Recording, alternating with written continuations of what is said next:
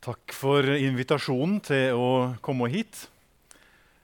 Jeg var her på fellesmøter for noen år siden òg. Det er flott å se så mange når to forsamlinger møtes, og at det var så mange til nattvær. Det er fint å være med på.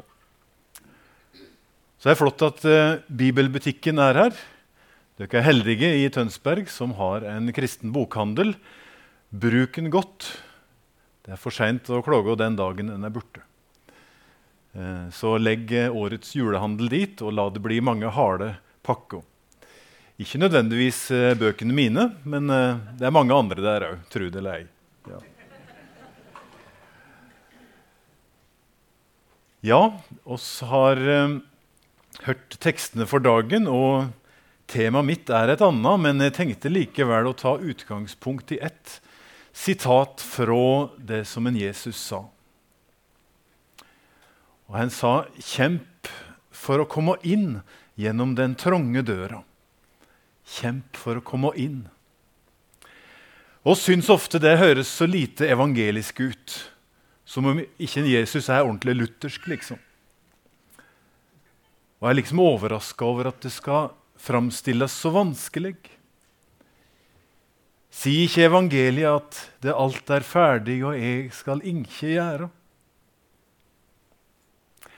Ja, når det gjelder grunnlaget for vår tru, så er det slik at når Jesus ropte ut 'Det er fullført', ropte han ut på Golgata. Og som vi så i Johannes' åpenbaring, kapittel 5, lammet er ofra. Lammet er slakta. Skuldet de er sona. Så dette grunnlaget, det er så ope, døra står ope til himmelriket for deg. Det er de skuld som er sona og er borte. Så det er ikke det som er vanskelig. Men den kampen det er å helle fast på denne trua midt i en verden som drar en annen vei, den kampen er virkelig. Så kjemp for å komme inn gjennom den trange døra handler om kampen nå i dette livet for å bevare og true, bli stående i det som oss har fått. Og Da har oss erfart det alle sammen at det er vanskelig.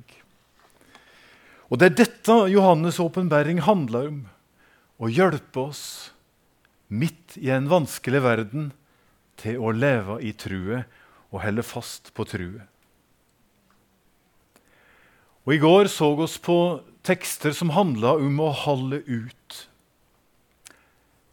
Her må de heilage halda ut, står det. Vi prater om det ordet som er brukt i stedet for det litt luftige ordet håp, ordet tålmod, som vi òg hørte i leseteksten i dag. Et ord som handler om å bli værende, bli buende under det presset som ligger på oss fra verden rundt oss. Vi vet at apostelen Paulus tok fram dette trikløveret tru, håp og kjærleik. Jeg sa du finner ikke det trikløveret i Johannes' åpenbaring. Du finner i stedet kjærleik, tru og tålmod. Så håpet er i Bibelens siste bok skifta ut med tålmod. Evna til å holde ut. Og Den er det åpenbæringen vil hjelpe oss med. Og Da er det viktig at vi ikke står alene, ikke er enslige. Det er ikke slik at åpenbæringer er sendt til én og én kristen, og at det er meningen vi skal sitte i hver vår krok og grunne over hvor vanskelig det er å holde fast på trua. Dere vet, Denne boka ble sendt til sju kirker og sju fellesskap. Unge, nyplanta og nokså små kirker. Men de var fellesskap. Og dette fellesskapet trenger oss. Og det er det som gjør det så godt å samles mange, slik som i dag. En kjenner 'jeg er ikke aleine'.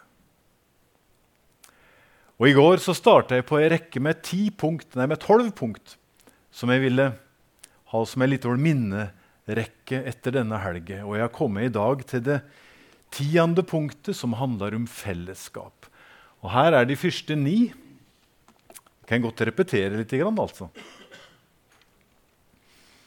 Vi prata om at Kyrkja ikke har fått i oppdrag å lyse sjøl og være så strålende sjøl, men å være en lampeholder som løfter fram det virkelige ljoset som verden skal se, og som er Kristus.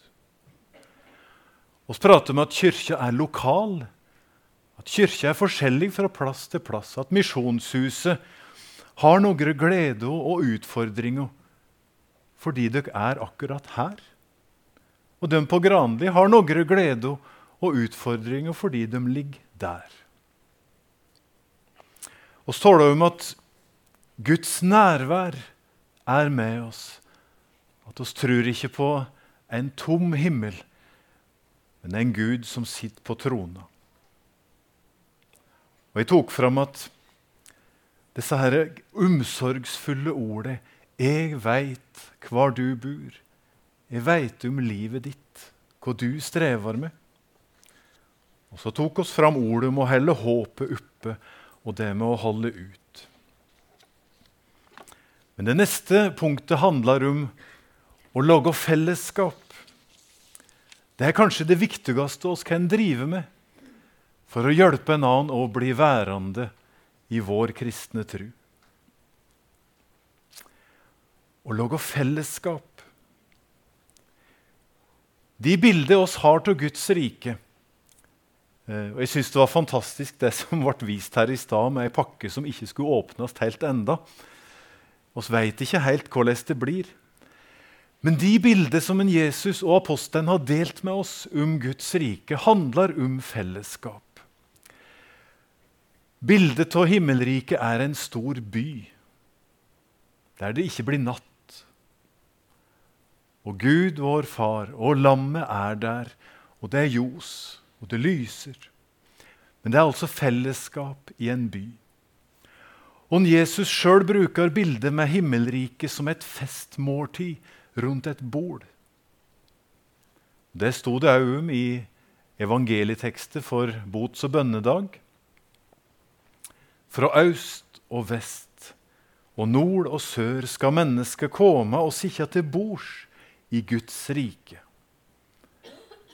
Tenk det, fra nord òg. Det måtte jo høres, helt utrolig ut for dem rundt Middelhavet. I nord bodde det jo bare heidninger og barbarer. Men òg skulle få komme en gang, etter mange år. Og rundt bordet så skal alle da møtes sier Jesus. Der møtes brune og blåe øyne og alle hudfarger. Og så ser oss på hverandre med glede over bordet. Tenk at oss skulle få være sammen her. Og denne litt barske tekstet på bords- og bønnedag som oss hørte, handler om hvordan bordkortet skal fordeles rundt bordet. Noen venter kanskje å finne en spesiell hedersplass øverst ved bordet fordi en har vært så stor og viktig i Guds rike. Da skal han få ei overrasking og finne ut at det går an å sitte lenger nede ved bordet òg, sammen med de andre. Og Kanskje det blir den store åpenbæringen for Summe når en blir plassert lenger ned. Og andre som har venta etter livet og bare finne en liten krakk ned på bordenden og smøye seg innpå et hjørne og få huke seg innpå som den siste ved bordet, skal da få oppdage at de blir leda opp og får sitte attmed om Jesus. Sitte tett opp til hjertet hans, slik som en Johannes òg fikk gjøre den siste kvelden de var sammen her på jordet. Og så vet du mange slike som tenker smått om seg sjøl, og som skal få ei overrasking i Guds rike. For da skal nokre som er de siste, bli de første, og nokre som er de første, skal bli de siste. Det er mange som går og nedvurderer seg sjøl. Jeg tenker på ei folkegruppe jeg har fått besøke to ganger i Etiopia for Bibelselskapet. Kambata-folket. De har vel 80 eller 90 språkgrupper i Etiopia. Og Det er enda ikke en fjordedel der en har begynt på bibelomsetting.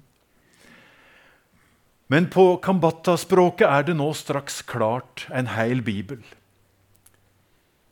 De gamle i Kambata-folket Det er over en million til dem, altså. De gamle sa Kambata-språket går det ikke an å bruke f.eks. på radio. Språket er for grovt. Radioapparatet kommer til å bli ødelagt av lyden. Og Den type nedvurdering av seg sjøl og sin egen tradisjon har du mange eksempler på. Men nå har de hørt prøvelesinga av Guds ord på sitt eget språk og har erfart språket vårt er godt nok for Gud, for Den hellige Skriftet. Og Da kan de løfte hodet og tenke litt større om seg. Og Poenget med fellesskap, som åpenbaring handler så mye om, er at vi skal være sammen og styrke hverandre. At den av oss som tykker veien er lang og tung, skal få ei støtte og en arm å henge på. At den som sliter med å helle ut, skal få ei hjelpende hand. Så å være kirke handler altså om å lage fellesskap. Og Noen av de mest kjente tekstene i Johannes' åpenbaring handler om fellesskap, at folk er sammen. Og Jeg tror det er noen bilder som står der for å lokke oss og gi oss lyst til å komme dit. Som i kapittel 7, med den store flokken som er kledd i hvitt. Jeg så en flokk så stor at ingen kunne telje han, av alle folkeslag og etter av alle folk og tungemål. De sto framfor trona og lammet. De står tett i tett. Og Den beste øvelsen til himmelriket er å være sammen så tett som oss er nå. Det er en dårlig øvelse å sitte alene hjemme. Da er du ikke klar. Men hvis du øver deg ved å jevnlig komme sammen med Guds folk, tett i tett, så øver du deg til himmelriket, for der skal oss være sammen. Det var ei menneske som sa til meg en gang Det er ikke så lenge sia, Hun sa at nå som jeg har blitt alene i livet, så ønsker jeg å bruke mer tid i stillhet sammen med Gud. Hun syntes det var vanskelig å bli stille og lese og be. Så spurte jeg har ikke du kanskje ei venninne som er i samme situasjon. Jo, det hadde hun. Hun hadde ei venninne som òg var blitt enslig, og som ønsket å bruke mer tid til å lese og be og stillhet. Og Da sa jeg, men hva er vitsen med at dere to sitter alene i hvert deres hus? Kan ikke dere gjøre ei avtale at dere møtes til ei fast tid?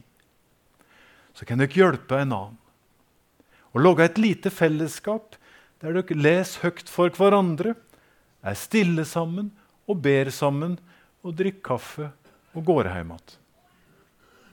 Det er mange kristne i andre land som har slike avtaler. I Kina er det helt dagligdags.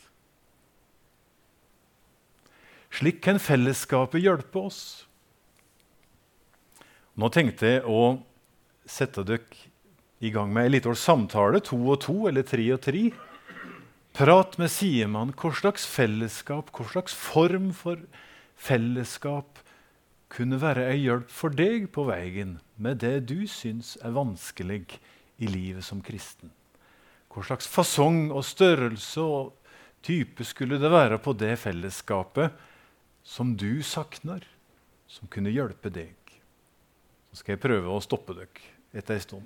Vær så god, prat.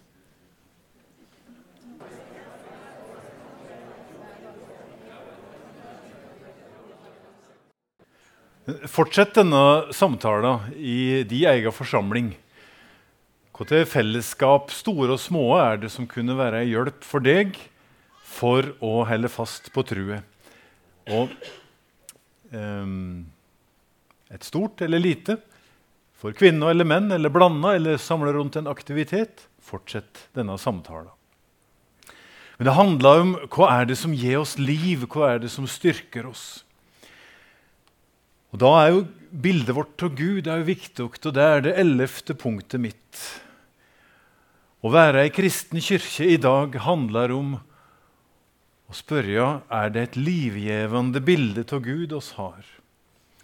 Et livgivende bilde. Jeg skal forklare hva jeg mener. Det står et helt fantastisk bilde eller, Det er vel egentlig ikke et bilde, heller det er en framstilling i kapittel 22 i åpenbæringen. Bildet av Guds trone. Og der strømmer det ut vann, levende vann, fra trona til Gud og lammet. Så du ser det, det strømmer som ei elv ut til alle som vil komme og drikke. Og det står et tre der, livsens tre, og det står fritt. Så den som vil, kan komme og ete av det. Og lauvet på treet er til lekedom for folka. Du blir helbreda. Det er et så nydelig bilde, det er et så sjenerøst bilde som åpner seg mot oss. Det første jeg legger merke til, er at livet strømmer ut fra trona og ikke inn. Summe har et bilde av Gud som et slags svart hull som syger alt til seg og krever all oppmerksomhet. At alt handler om, at alt i livet handler om å gjøre Guden tilfreds. At en liksom føler seg sugd tom for liv rundt det gudsbildet. Men vårt bilde av Gud er en plass der liv strømmer ut. Og der det er nok til alle som vil komme til livsens vann. Og at Gud gjerne vil dele, så alle får drikke. Altså at den som kommer i Guds nærhet, kjenner at her strømmer liv ut åt meg. Jeg fær mer enn jeg gir. Og treet som står der I andre tekster om guddommer så ville treet kanskje ha stått der av en annen grunn. Av den ene grunnen at det skulle være til glede for guden. At guden på si trone bare kunne rette ut hånda og gripe frukta og ete og bli tilfreds. Men vårt bilde av Gud er omvendt. At treet står der for oss mennesker. At lauvet på treet er til lekedom for oss. At når oss kommer dit i Guds rike, men òg her i livet At når oss kommer i Guds nærhet, så kan oss finne groblad og legge på våre sår av så mange forskjellige slag. At det er til legedom for oss å være i Guds nærhet. Og Dette er et slags ideal for Guds forsamling på jorda og hvordan kyrkja skulle være. Guds nærvær syger ikke livet ut av dem som er i hans nærhet. Guds nærvær er ikke slik at det brenner oss ut det gir oss nytt liv og ny kraft. Guds nærvær er kjennetegna av livgivende vann, lekjende lauv. Og slik skulle òg Guds kirke på jorda òg være. At det ikke skal bare være en plass der du må gi og gi og gi og gi uten å få tilbake. At det ikke skal være en plass der du bare blir utbrent og oppbrukt en plass der du blir brent ut, det er jo et bilde på helvete. Ikke på Guds rike.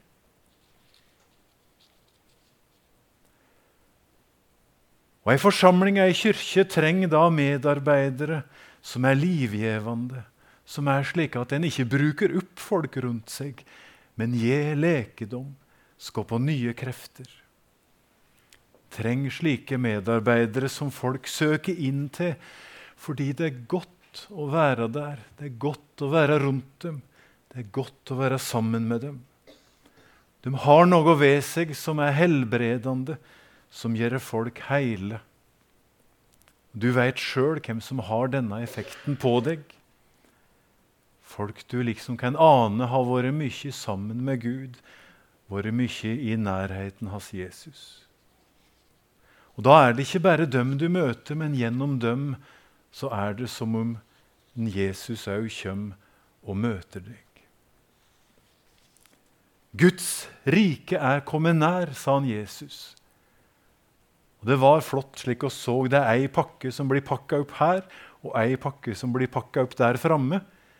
Guds rike er midt iblant oss nå, og Guds kirke skulle være slik. Og Det handler da til tolvte og det siste om å finne en Jesus. Å finne en Jesus. Og Jeg brukte i går bildet med disse kjente bildebøkene Finn Willy. Der du i et uoversiktlig tegna bilde gjelder, så skal du finne én person i stripete genser. Slik er det i Johannes' åpenbaring. Det er fullt av bilder og tekster med forskjellige framstillinger av hvordan Jesus er. Men hvis du leser denne boken fra start til slutt og leter etter Finn Jesus, så skal du leite, og du skal finne. For åpenbæringa er først og fremst ei bok om en Jesus. Det er ei bok som de første kristne las høyt seg imellom, og som var til trøst for dem og til hjelp. Denne boka inneholder de siste synet av om Jesus før permene til Bibelen blir lukka, før skriftsamlinger blir stengt, og før kyrkja si tid begynner da det er mellom permene oss møter en Jesus. Og som jeg sa i går, en Jesus er enda den samme som i evangelia. En oppfører seg på samme måte. En møter en Johannes og legger hånda på ham og sier, 'Vær ikke redd', slik en gjorde i evangeliet òg. Og en viser enda til det som skjedde på Golgata. 'Jeg var død, men sjå, jeg lever'. Han er den samme som en Johannes møtte da han var ung, og som han nå møter når han er en olding. Åpenbæringen inneholder sårbare bilder av om Jesus. Han er et lite barn som blir født i kapittel 12. Og mora som må legge ut på flukt. Han er lammet som har blitt slakta, som vi leser om i kapittel 5 og som ikke støtt kommer til oss på en slik imponerende måte, men som kommer i det stille etter at ting har gått galt. Når ting har blitt mislykka, så kommer en likevel som et lam som ser ut som det er slakta, og som soner vår synd og gir oss det evige livet. En syner seg òg i sterke bilder som menneskesonen han som er midt iblant oss, han er her i dag. Vandrer rundt mellom sine lampeholdere, disse enkle stativet som skal helle ljoset oppe. Han er på Misjonshuset, han er på Granli. Han har uendelig omsorg for dere som samles her.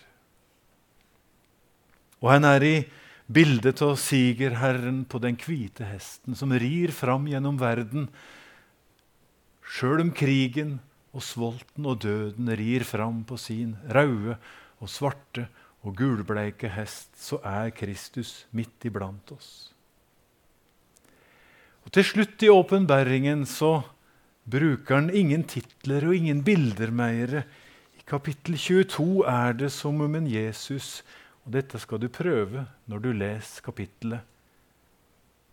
Det er som om en kommer ut fra boksida og lener seg helt fram og nært innåt deg.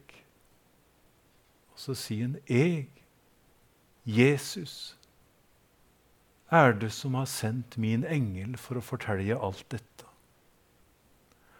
Og Da føler jeg meg som denne mannen i evangeliet som opplevde at Jesus kom helt nær og stakk fingeren i øret hans og berørte tunga hans. Og jeg er sikker på at han kjente lukten av håret og klærne hans og kjente pusten hans mot sin. Så nær kommer Jesus i åpenbæringen. Jeg, Jesus, har kommet til deg nå for å sette mot i deg og hjelpe deg på veien fram gjennom livet. Og hva til svar er det oss skal gi? Åpenbæringen kjenner bare dette svaret. Kom, Herre Jesus. Kom ikke bare i framtida en gang, langt der framme, men kom nå og vær sammen med meg, her jeg strever i mitt liv. Kom til kyrkja mi og våre stivna former og rare skikker. Kom og åpne øynene våre, slik at oss ser dem som er sammen med oss, dem som er våre brødre og søstre. Men åpne øynene våre òg, slik at oss ser alle lidende mennesker i verden, dem som er ofre for krig og svolt. Dem som drukner på Middelhavet. de som blir ramma av at naturen forandrer seg så fort. Alt dette vil du finne i, i åpenbæringen. Og så møter han oss. Og en venn av meg, en ortodoks koptisk biskop, sa til meg etter en lang dag med mange samtaler så er det eneste jeg lengter etter, å komme tilbake til rommet mitt. For da kommer Jesus og setter seg ned sammen med meg, og så sitter han og jeg sammen, og så prater oss sammen. Etter åpenbæringen så starter kyrkja si tid, vår tid, da oss møter Jesus i ordet og i sakramentet og i bønnet.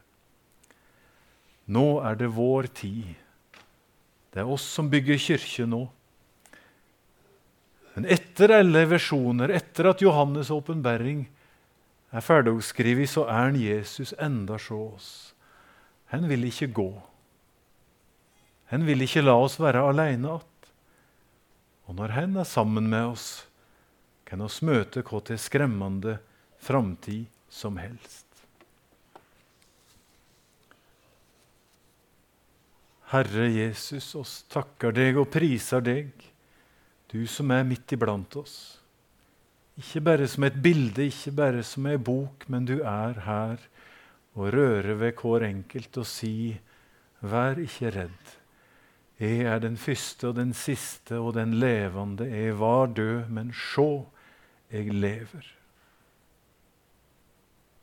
Takk for at du vil være sammen med oss og styrke oss på veien og føre oss fram på den smale veien mot det evige livet. Amen.